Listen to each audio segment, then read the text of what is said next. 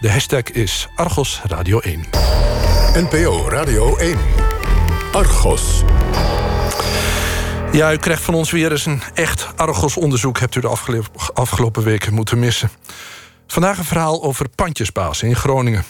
Duizenden studenten zijn deze week begonnen aan het academisch jaar.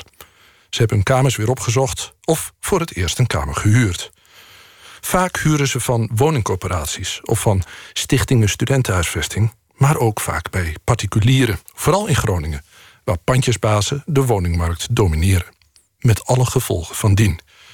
Twee studenten, Koen Maré en Chris Bakker... gingen op onderzoek samen met radiomaker Leo Siepe. Luister naar hun verslag. Ik weet het goed gemaakt. Ik haal 50 euro af van de huurprijs. En dan trekken jullie de procedure bij de huurcommissie in. Huurders die de huurprijs graag omlaag willen hebben... die ja, schijnen nog wel bedreigd te worden. In Groningen lijkt het uh, het meest problematisch. Ik vind het echt zorgelijk als we daar niet tegen kunnen optreden. Studenten zijn belangrijk voor de stad Groningen. Ze kleuren de stad. Maar er zijn ook veel problemen. Woningsplitsingen, onttrekkingsvergunningen, bezwaarprocedures en vooral veel boze bewoners. Maakt duidelijk dat er op de woningmarkt voor studenten iets grondig mis is. Die studentenwoningen in Groningen zijn veel meer dan in andere steden in handen van particulieren. 80 procent. Slechts 17 procent van de studentenwoningen is in handen van woningbouwcorporaties. In Groningen hebben zo'n 13 eigenaren zeker 730 panden in bezit. Dat bleek vorig jaar uit een uitgebreid onderzoek in het kadaster. We noemen een paar namen. Bulte Kamerverhuur, Axel Veldboom, Wim de Vries, de firma Rogge en de gebroeders Ali en Bekir K. Die laatste was onlangs in de publiciteit. De eigenaar van een groot vastgoed- en uitzendbureau in Noord-Nederland staat centraal in een omvangrijk onderzoek naar fraude en oplichting. Bekir K, 46, van de K-groep is nu ook veroordeeld voor wapenbezit. K staat vol in de schijnwerpers van het Openbaar Ministerie, de politie, de FIOD en de gemeente Groningen. Al dus de Telegraaf van donderdag 28 juli. Bekir K stond op die dag afgebeeld op een foto naast premier Rutte tijdens een handelsmissie naar Turkije. Argos gaat op kamers. Over de macht van de Groningse pandjesbazen en het verzet van wijkbewoners en studenten.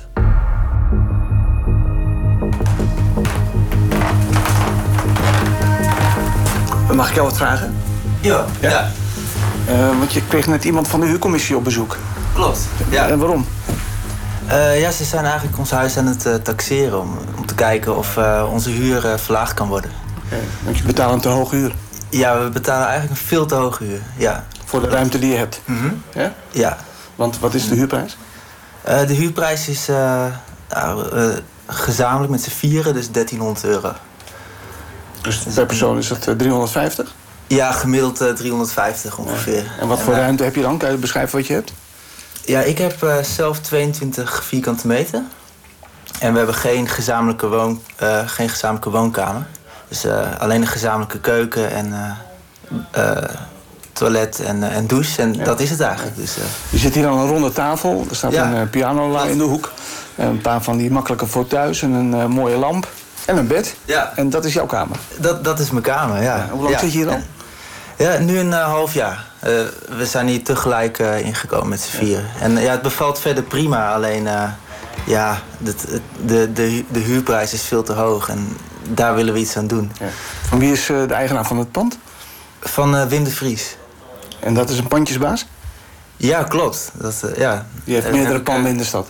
Ja, ja. We zijn in een studentenband aan het Hoendiep in de stad Groningen. Daar wonen ook de studenten Koen en Chris. En zij gaan ons meehelpen om de problematiek van de studentenhuisvesting in kaart te brengen. Mijn naam is Koen Maree. Ik studeer Europese talen en culturen hier in Groningen. En ik uh, ben benieuwd hoe uh, het verder in het uh, huurlandschap bij studenten staat. Hoi, uh, ik ben Chris Bakker, uh, 25 jaar oud, student HBO Communicatie. Ik ben in de maanden september tot en met december bezig geweest met het onderzoek van wie is de stad naar de particuliere huursector in Groningen. Uh, ik ben erachter gekomen dat er behoorlijk wat opmerkelijke zaken zich afspelen in het huurlandschap in Groningen en landelijk. De bewoners van studentenpand Hoendiep hebben de huurcommissie ingeschakeld. Ah, Jans. Dag.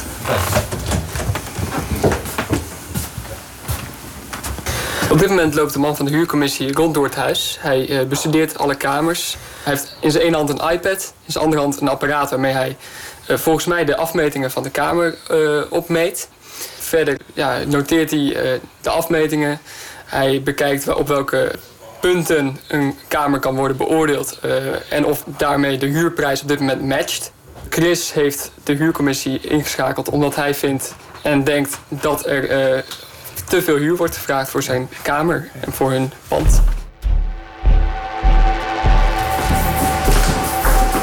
Zo, we staan hier in de badkamer van uh, uw pand aan het uh, Esoniusplein in de stad Groningen, in de wijk Korrewegwijk. U bent uh, Ilko Hooimakers. We kijken uit op de binnenplein. wat zien we hier?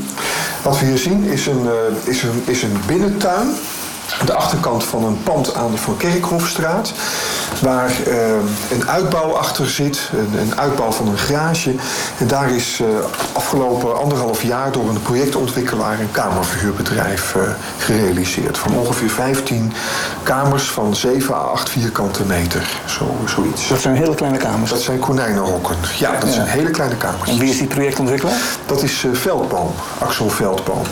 Een berucht iemand hier in de stad? We hebben begrepen van, van wel. We kennen hem zelf verder niet zo, uh, niet, niet zo goed. Maar hij heeft veel van dit soort panden en hij uh, heeft veel van dit soort projecten, hebben we gehoord. Ja. En heeft u het idee dat de gemeente samenwerkt met dit soort projectontwikkelaars? We hebben in ieder geval het idee dat de gemeente heel veel ruimte geeft aan die uh, projectontwikkelaars. Maar we merken wel dat iemand als Veldboom heel veel voor elkaar krijgt bij de gemeente. Hij krijgt makkelijk vergunningen los? Blijkbaar, ja, ja. blijkbaar. Eelco Hooimakers. Hij is één van de wijkbewoners die zich ergert aan het volbouwen van terreinen achter hun huizen. De boosheid van deze bewoners is te lezen op de website verzettegendeflat.nl. Vroeger was het eigenlijk zo, uh, werd er een bouwvergunning bijvoorbeeld aangevraagd op het niveau van uh, bestektekeningen. Hè? Paul Bussel, hij is architect. Ooit was Groningen een architectuurstad met veel mooie gebouwen. Maar tegenwoordig lijkt de stad in handen gevallen van pandjesbazen die goedkoop en snel bouwen. Stektekeningen, dat zijn eigenlijk de tekeningen die ook de basis vormt voor het contract voor de bouwer. Dus dat waren de tekeningen. En op het moment als de vergunning werd ingediend, dan uh, wist men eigenlijk al dat wat je indient, dat ga je ook bouwen. In de loop der jaren zie je dus dat daar van alle kanten uh, creatiever mee wordt omgegaan. En dat er soort verschil is ontstaan tussen uh, wat wordt aangevraagd en wat gerealiseerd gaat worden. Ook de Groningse Welstandscommissie constateert dat de stedenbouwkundige kwaliteit van de stad onder druk staat. We lezen in het jaarverslag van 2015 er worden bouwplannen voor studenten- en jongerenhuisvesting ingediend... die zoveel mogelijk vierkante meters woonoppervlakte... met zoveel mogelijk kamers willen maken voor zo laag mogelijke investeringen. Martijn van Dalen is specialist in huurproblemen van studenten. Hij werkt voor het juridisch adviesbureau Protega. In Groningen zijn heel veel particuliere verhuurders hier. Dus over het algemeen heeft uh, in Groningen de gemeente heeft het de markt gewoon deels gewoon vrijgelaten. U moet zich ook beseffen dat in Groningen de meest, procentueel de meeste studenten wonen. Ongeveer nou, een kwart is hier gewoon student. Dat komt in geen enkele stad in, in Nederland voor. Dus dat is, uh, daarom speelt dit probleem hier ook voornamelijk. In andere steden als Amsterdam is dat percentage... er zijn wel heel veel studenten, maar is dat percentage gewoon vele malen lager... en wordt het veel meer gemixt. Uh, hier is daar gewoon de handel vele malen groter in. Als je alles bij elkaar optelt, hè, we hebben zelf ook onderzoek gedaan. Als je kijkt naar die vier, vijf uh, pandjesbazen die hier in de stad uh, heel veel panden in bezit hebben. Wim Bult heeft zo'n 360 panden. Woldering heeft honderden panden. Veldboom heeft, de neef van Bulte heeft ook heel veel panden. Dus bij elkaar opgeteld zijn de complete woonwijken eigenlijk in handen van, van pandjesbazen. Ja, klopt. En dat zorgt gewoon voor vervelende situaties. ook inderdaad met de buurt. Uh, ze kopen inderdaad gewoon complete straat op. Uh, de straat waar ik woon is ook compleet opgekocht. En inderdaad, bij mij in de straat is gewoon 80% student. Een van de grotere verhuurders van studentenkamers is Wim de Vries. Zijn naam is al gevallen. Samen met een aantal compagnons heeft hij ongeveer 180 panden in zijn bezit. Hij werkte in de fietsenzaak van zijn vader, maar begon ongeveer 10 jaar geleden met het aankopen van een aantal panden. En dat werden er al ras meer. De Vries komt regelmatig voor de landelijke huurcommissie... omdat hij te veel huur vraagt voor zijn kamertjes. Dat ondervond ook student Henk Jan. Hij wil liever niet met zijn achternaam op de radio. Henk Jan wordt geïnterviewd door onze jonge verslaggever Koen. Henk Jan, kun je mij vertellen wat er precies gebeurd is? Ik ben een uh, procedure begonnen bij de huurcommissie uh, tegen meneer De Vries. Uh, wegens, ik vermoedde dat ik veel te hoge servicekosten betaalde. per maand 115 euro, dat is best wel aan de hoge kant. En ehm, dat vond meneer De Vries niet zo heel leuk. Hij belde mij op, gelijk eigenlijk met de mededeling van... oh, ik hoorde dat je wil verhuizen. Waarop ik nogal verbaasd reageerde van, nou nee, niet. Hij zei eigenlijk van ja, als je een procedure begint tegen de huurcommissie, dan uh, wil ik niet dat je in mijn huis woont. Dus dan ga je verhuizen. Ik probeerde nog met hem te redeneren, maar met hem kwam het eigenlijk op het één ding neer van als je een procedure indient, dan uh, zorg ik ervoor dat je gaat verhuizen. En ik uh, met vrij dreigende taal. Henk Jan deed aangifte bij de politie wegens bedreiging.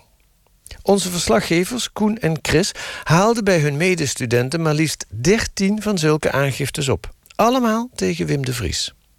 We citeren uit verschillende procesverbalen.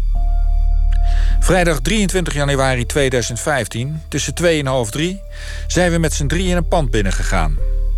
Ik hoorde de pandjesbaas zeggen: Zo, zijn er problemen? Ik gaf ten antwoord: Nee, niet dat ik weet. Ik hoorde hem zeggen: ik weet het goed gemaakt. Ik haal 50 euro af van de huurprijs. En dan trekken jullie die procedure bij de huurcommissie in. Of woorden van gelijke strekking. Ik gaf ten antwoord: 50 euro is wel heel erg weinig ten opzichte van 600 euro. Het bedrag dat wij te veel betalen. Ik hoor hem vervolgens zeggen: Als jullie dat niet doen, dan wonen jullie daar niet meer fijn. Daar zorg ik dan voor. Ik doe aangifte van vernieling van mijn voordeurslot. Vrijdag 4 juli, rond half twee, kwam ik thuis. Ik stak de sleutel in het slot van mijn voordeur en merkte dat het niet lukte. Mijn voordeur is al een keer geforceerd geweest. Daar heb ik toen ook aangifte van gedaan. Ik zag vervolgens dat er lichtblauwe vloeistof uit het sleutelgat kwam. Een soort van lijm. Ik kon mijn woning dus niet in. Van de huurcommissie hebben wij de rekeningen ontvangen van verhuurder. Op basis van eigen onderzoek naar deze rekeningen hebben wij geconstateerd dat vermoedelijk deze rekeningen valselijk zijn opgemaakt. Uit verificatie met de huurder van deze woningen blijkt dat de handelingen zoals die op de rekening vermeld staan in de praktijk niet zijn uitgevoerd. Als adviesbureau kunnen wij niet anders concluderen dan dat de verhuurder zijn servicekosten kunstmatig hoog houdt door middel van valselijk opgemaakte rekeningen, welke ter onderbouwing zijn aangeboden aan de huurcommissie. In november 2013 ben ik samen met twee andere huisgenoten naar de huurcommissie gestapt. We waren het niet eens met de hoogte van de servicekosten. Nadat de huisbaas hiervan hoorde, is hij een aantal keren bij ons in de woning geweest. Tijdens het eerste bezoek gaf hij aan dat er een drugsverslaafde bij ons in huis zou komen wonen. En tijdens het tweede bezoek zei hij dat de keuken verbouwd moest worden. Drie van de vijf bewoners zouden dan geen keuken meer hebben. De huisbaas heeft aangegeven dat wanneer wij onze zaak bij de huurcommissie zouden intrekken, dit alles niet door zou gaan. Ik ben huurder van bovengemeld adres, met nog drie andere bewoners. Wij zijn de mening toegedaan dat wij te veel huur betalen. Op vrijdag 23 januari 2015, omstreeks twee uur, is een onbekend persoon wederrechtelijk onze woning binnengegaan. We hebben deze 13 aangiftes via via verzameld. Hoeveel meer aangiftes zijn er de laatste jaren bij de politie binnengekomen? Helaas, de politie en het Openbaar Ministerie willen ons dat niet vertellen. Wel laat de politie in een e-mail het volgende weten. Voor de strafrechtelijke kant van de zaken zijn er helaas te weinig onderzoeksgronden. Het is nagenoeg ondoenlijk om bewijs te vergaren, of de genoemde feiten zijn helaas onvoldoende gestaafd op waarnemingen, maar vooral gebaseerd op vermoedens. Einde citaat. Op dit moment is er tot nog toe geen enkele strafzaak begonnen tegen huisbaas Wim de Vries. We laten u nu een opname horen die is gemaakt in 2013. Op straat staan twee mannen te praten.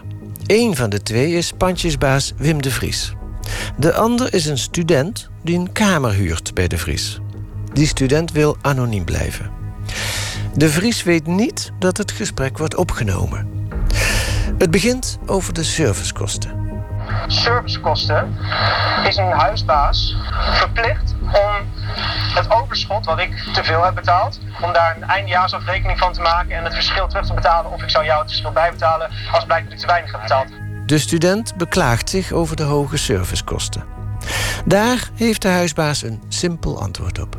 Neem dan maar voor mij aan dat ik genoeg facturen heb of kan regelen dat ik die servicekosten kan verantwoorden. De Vries regelt wel wat facturen als dat nodig is, zegt hij. Dan begint de student over huisvredebreuk, dat kort daarvoor heeft plaatsgevonden. Zijn laptop is gestolen. Die laptop, ik wist dat je die laptop had meegenomen om mij gewoon, gewoon te fokken. Om gewoon mij gewoon. Ja, zeg ik met een lachend gezicht. Ja, zeg je met een lachend gezicht, maar. Dat is ook de reden dat ik jou in de tank gekregen heb. De Vries geeft lachend toe dat hij die laptop heeft meegenomen. Dat is de reden dat ik jou in de tang heb gekregen, zegt de huisbaas. En dan komt er sprake waar het conflict allemaal mee is begonnen. De student ging naar de huurcommissie. Had ik de huurcommissie laten lopen en dan ja. ja. hadden we hier nu niet gestaan. Maar ik heb ook wel eens mensen die trap ik eruit. De Vries geeft het toe. Zonder de huurcommissie hadden ze hier nu niet gestaan. Maar ik heb ook wel eens mensen die trap ik eruit, zegt de pandjesbaas. Dan beklaagt de student zich over intimidatie van zijn huisgenoten door de huisbaas. Hebben andere huisgenoten uit laten schelden, intimideren, bedreigen. Ja, en als je dan nog verder gaat, dan wordt het nog erger. Het kan nog erger, zegt de Vries. Erger dan alleen intimidatie. Het gesprek loopt op zijn eind. Je hoeft niet bij mij te huren, zegt de huisbaas. Want je kan ook gewoon nee zeggen tegen mij of kan verder huren. Nou ja, het is, niet echt, het is niet echt eerlijk om een kamerdeur open te maken, iemand naar binnen te sturen, laptopje naar buiten te halen. Jij kan ook zeggen, ik zeg mijn huur af. Had ook gekund. Ik was het ook niet met je eens. En ik heb de huur opgezegd. Natuurlijk wist de Vries niet dat dit gesprek werd opgenomen. We hebben hem deze week om een reactie gevraagd. Hij geeft toe dat hij de laptop van de student heeft meegenomen, omdat hij zijn huur niet had betaald. Maar die student heeft inmiddels zijn laptop terug. Over de vele aangiftes tegen hem zegt hij dat hij één keer op het politiebureau is geweest, een uurtje, en daarna weer weg mocht gaan. Na meerdere gesprekken met mijn verhuurder om tot een oplossing te komen, stapte ik enkele maanden geleden naar de huurcommissie. Reden: die torenhoge huur, een vervalste jaaropgave van energiekosten, onterechte bemiddelingskosten en ook nog achterstallig onderhoud. We citeren uit een procesverbaal van een aangifte over bedreigingen van een andere huisbaas. De verhuurder werd op zijn zachtst gezegd woest toen hij ontdekte wat ik van plan was.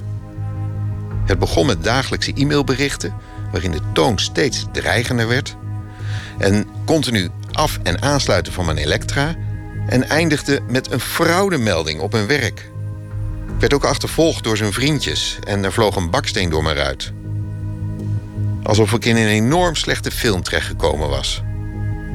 Op advies van de politie ben ik voor mijn veiligheid nu maar naar een geheim adres verhuisd. De naam en adres van deze student en van de huisbaas zijn bij ons bekend. En we hebben ook deze aangifte bij de politie in mogen zien.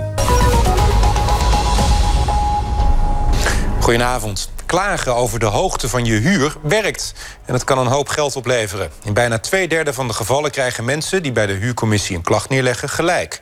Bij studentenkamers is dat zelfs driekwart. Dat blijkt uit cijfers van Buurtfacts van RTL Nieuws. In februari van dit jaar publiceerde RTL Nieuws een onderzoek dat zij deden naar uitspraken van de huurcommissie. RTL analyseerde meer dan 21.000 uitspraken die de huurcommissie deed in de periode 2010 tot februari van dit jaar. De huurder kreeg in meer dan 60% van die gevallen gelijk. De bedragen waarmee de huur werd verlaagd zijn fors. Bij permanente verlagingen gaat het gemiddeld om 142 euro en bij tijdelijke verlagingen om gemiddeld 205 euro per maand. Juridisch adviseur Martijn van Dalen. De meeste gevallen waar ik kom, moet ik helaas vaststellen dat inderdaad gewoon te veel huur wordt betaald. Um, we hebben met andere uh, bureaus die dit ook doen, hebben we wel eens een beetje een berekening kunnen maken van hoeveel, hoeveel procent betaalt nou eigenlijk te veel. Dan komen we eigenlijk al heel snel rond de 70 procent ongeveer. Uh, wat gewoon structureel gewoon te veel betaalt. Ja. En gaan die mensen dan, die studenten, ook naar de huurcommissie om te klagen? Uh, over het algemeen niet. Uh, veel studenten zijn onwetend van deze te hoge huur en snappen niet, inderdaad, een huurbazen vaak ook, uh, die weten dit ook vaak niet, dat er gewoon wettelijk is vastgesteld hoeveel je per kamer moet betalen. Daar is heel veel onwetendheid over. Dat weten heel veel mensen niet. Dat er in principe gewoon een aantal vierkante meters, een aantal voorzieningen, dat daar gewoon een prijs aan, aan vast zit. dat snappen ze allemaal niet. En ze denken dat het gewoon vrije markt is en dat iedereen gewoon zijn eigen prijzen mag bepalen. Maar dat is absoluut niet het geval. Studenten met een eigen voordeur kunnen huursubsidie krijgen. Dat werkt ook in het voordeel van de verhuurder, want die kan op die manier een hoge huur vragen. Het werkt zo. Studenten hebben bijvoorbeeld een huis met één adres waar meerdere mensen wonen. Huisgenoten die hun sanitaire voorzieningen, zoals de keuken en de wc, delen. Verhuurders splitsen deze woningen in kleinere zelfstandige ruimtes. Dat betekent dat er minimaal een douche, toilet en een keuken moet zijn en dat de kamer een eigen huisnummer moet hebben. Dan kan de student huursubsidie aanvragen. Dat dit een ernstig probleem is, wordt duidelijk als we lezen in een ambtelijke notitie van het ministerie van Financiën. Daar staat. Een fors deel van de groei van de huurtoeslagen wordt veroorzaakt door de sterke toename van het aantal studenten dat in zelfstandige woonruimte gehuisvest is. Dit staat te lezen in een ambtelijk voorstel tot bezuiniging van mei dit jaar. De ambtenaren stellen hier dus voor fors te bezuinigen op de huurtoeslag voor studenten. Een maatregel die, volgens de samenstellers, wel een wetswijziging vraagt. Volgens de beschikbare statistieken gaat ongeveer 100 miljoen euro aan huurtoeslag naar studenten. Albert de Vries, Tweede Kamerlid voor de PvdA, specialist wonen.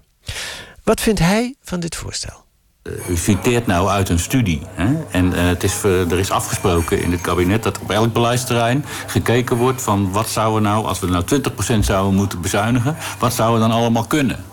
En een van die dingen is, uh, is dan het afschaffen van de huurtoeslag voor de studenten. Als een van de opties. Maar dat is een ambtelijk idee, hè, wat tot nu toe nog nooit de Kamer heeft bereikt. En als dan de Partij van de Arbeid uh, ligt, als het de Kamer bereikt, ook meteen van tafel gaat. En waarom dan? Nou ja, omdat ook studenten recht hebben op, op een kwalitatief goede huisvesting. En als dat een prijs heeft die ze niet kunnen betalen, ja, dat is in dit land zo geregeld dat je dan huurtoeslag krijgt. Ja. Um, en um, natuurlijk, uh, we moeten oppassen dat pandjesbazen daar dan weer van gaan profiteren. Hè, dus ook daar heeft de gemeente wel een beetje toezicht. Maar uh, ja, afschaffen, daar is geen sprake van. De zaak van Chris Bakker en zijn medestudenten... waarvan u eerder hoorde dat de huurcommissie bij hen op bezoek was... is inmiddels voorgekomen. Wat is er uitgekomen? Chris Bakker. Uh, we hebben de zaak verloren. En hoe komt dat? Um, nou, er was een hoorzitting van de huurcommissie. En voor die hoorzitting was er een onderzoeker langsgekomen. En die onderzoeker had een rapport gemaakt. En daarin stond dat de woning iets van 704 euro waard was. Dus net onder de liberalisatiegrens van 710 euro. Uh, bij die hoorzitting kwam uh, de wederpartij, de heer De Vries had een uh, juridisch adviesbureau ingezakeld. Die kwam met allerlei argumenten waardoor de huurprijs toch boven de 710 euro zou, zou moeten zijn. En uh, ja, de heer De Vries is op alle punten in het gelijk gesteld door de huurcommissie, waardoor de huurprijs uh, 1300 euro bleef. Deze heren gaan over het randje omdat de gemeente ze niet terugfluit of beperkt terugfluit. Ook altijd proberen om toch weer hoger te bouwen dan mag volgens het bestemmingsplan. Een hoop bouwplannen is gewoon onder de maat en troosteloos uitgevoerd. Pandjesbazen leveren veel slecht werk af. Op onze zoektocht ontmoeten we een ambtenaar binnen de gemeente Groningen... die absoluut anoniem moet blijven. De citaten die u hoort zijn wel geautoriseerd. De enige boodschap die ik zou willen overbrengen is... Groningen staat bekend als architectuurstad. De internationale kunst- en architectuurscene kwam in Groningen de afgelopen decennia. En de afgelopen jaren is alle ambitie weggevallen. En is de situatie 180 graden gedraaid.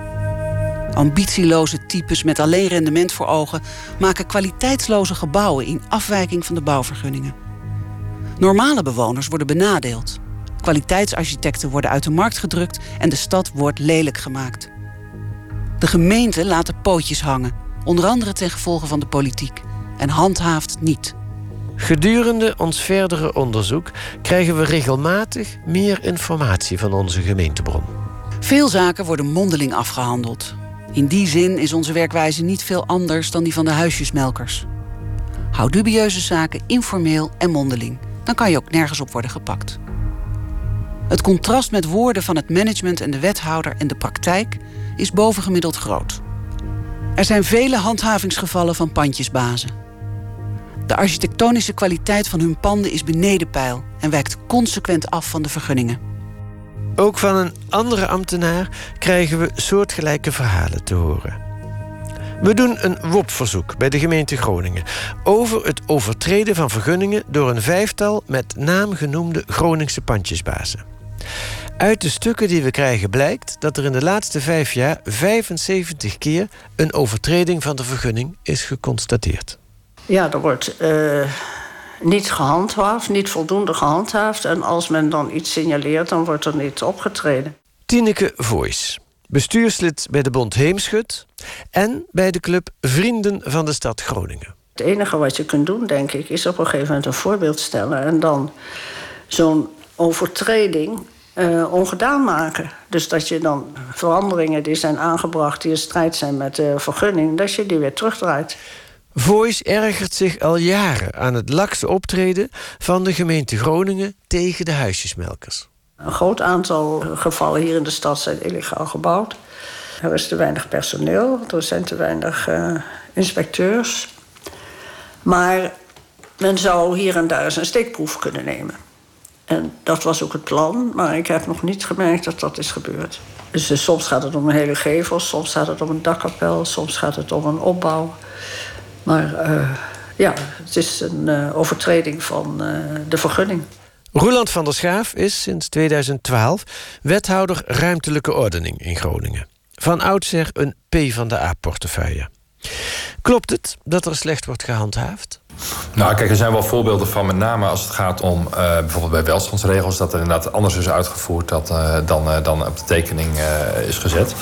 Is ik denk ik ook in ons algemeen, in ons handhavingssysteem in Nederland, een zwakte. Hè? Dus je kunt op momenten, er is heel veel controle op het gebied van vergunning, of het allemaal aan de regeltjes voldoet. En op het moment dat het naar de uitvoering gaat, ja, dan, zie je dat ons hele handhavingsapparaat, dat is echt niet specifiek Gronings, maar in, ook gezien het feit dat het natuurlijk veel geld kost en intensief is. Nou ja, het, we controleren nog wel veiligheid, dat soort dingen, daar zijn we natuurlijk nog wel alert op. Maar echt het uitvoeren van wat er afgesproken is, dus een beeldkwaliteit, de invulling, dat is eigenlijk onvoldoende. Uh, zeker als je te maken hebt, en dat, dat is wel in Groningen specifiek zo, of in universiteitssteden specifiek zo, met mensen die het uh, nou, om financiële redenen, om wat voor redenen ook, fijn vinden om, uh, om het toch weer anders uit te voeren. Heinrich Winter is hoogleraar bestuursrecht aan de Rijksuniversiteit Groningen. Hij doet momenteel onderzoek naar de handhaving door de gemeente. Ja, gemeenten hebben het bestuursrechtelijke handhavingsinstrumentarium, eh, dwangsom, uh, last onder bestuursdwang. Uh, ja, daar, daarmee kunnen ze proberen te bevorderen dat uh, die pandjesbaas zich alsnog aan die regels gaat, uh, gehoud, ja, gaat dus proberen. Dat ja, in de praktijk niet. Nou ja, de vraag is natuurlijk, dat is ook een machtsspel. Als die pandjesbaas diepe zakken heeft en hij zegt dan betaal ik die dwangsom wel, ja, dan heb je uiteindelijk nog steeds niet wat je wil bereiken. Dus dat vergt ongelooflijk veel uithoudingsvermogen aan de kant van die gemeente. En dat die pandjesbaas ondertussen toch doorgaat en gewoon zijn huizen gaat verhuren voor veel geld, ja, dan is het misschien ook wel een kosten-batenafweging aan die kant. dus daar kom je niet altijd heel ver mee. Hè? Dat moet je ook andere spelletjes spelen. Hè? Dan moet je dus ook uh, ja, dat machtsspel wat ik net noemde uh, spelen. En misschien ook op andere terreinen uh, druk zetten. Zodat je toch uiteindelijk je doelstellingen als overheid haalt. Maar dat is een ingewikkelde. als het gaat om verwaarloosde panden kan een gemeente een pandjesbaas aanschrijven. Hè. Kan worden gezegd van je moet nu echt uh, kwaliteitsverbetering gaan doen. Hè. Bijvoorbeeld dat de brandveiligheid uh, in het geding is. Of omdat uh, nou, zaken naar beneden dreigen te vallen. Maar dat kan alleen maar in hele extreme situaties. En voor het overige is er eigenlijk niet zo heel veel te doen voor een gemeentelijke overheid. Tot slot Tweede Kamerlid Albert de Vries van de PvdA. Hij zegt dat gemeenten wel mogelijkheden hebben om strenger op te treden tegen overtredingen van de vergunningen. Nou, de Partij van de Arbeid heeft bij de wijziging van de woningwet ervoor gezorgd dat er een maatregel is waardoor pandjesbazen aangepakt kunnen worden. Dus als ze de brandveiligheid uh, of overbewoning uh, toestaan of idiote huurprijzen vragen, dan kunnen ze door de gemeente een gele kaart voorgehouden worden waarna ze moeten verbeteren. En als er in een pand van zo'n pandjesbaas, het doet er niet toe dat pand of een ander pand van hem, uh, opnieuw zoiets voorkomt, dan kan hij de rode kaart krijgen en dan neemt de gemeente het beheer van die panden over. Dat zijn heel verstrekkende maatregelen. Maar in sommige steden is dat ook nodig. Ja. Bijvoorbeeld ook in Groningen? Nou, ik, ik, ik, woon erg ver van Groningen, dus ik ken de situatie, volg ik niet van dag op dag. Maar ik heb er iets over gelezen. En het, het lijkt erop dat in Groningen de situatie inderdaad wel wat knellend is. Omdat er veel particuliere verhuur is. En dus ik begrijp ook een aantal grote pandjesbazen die het niet altijd even nauw nemen met de regels.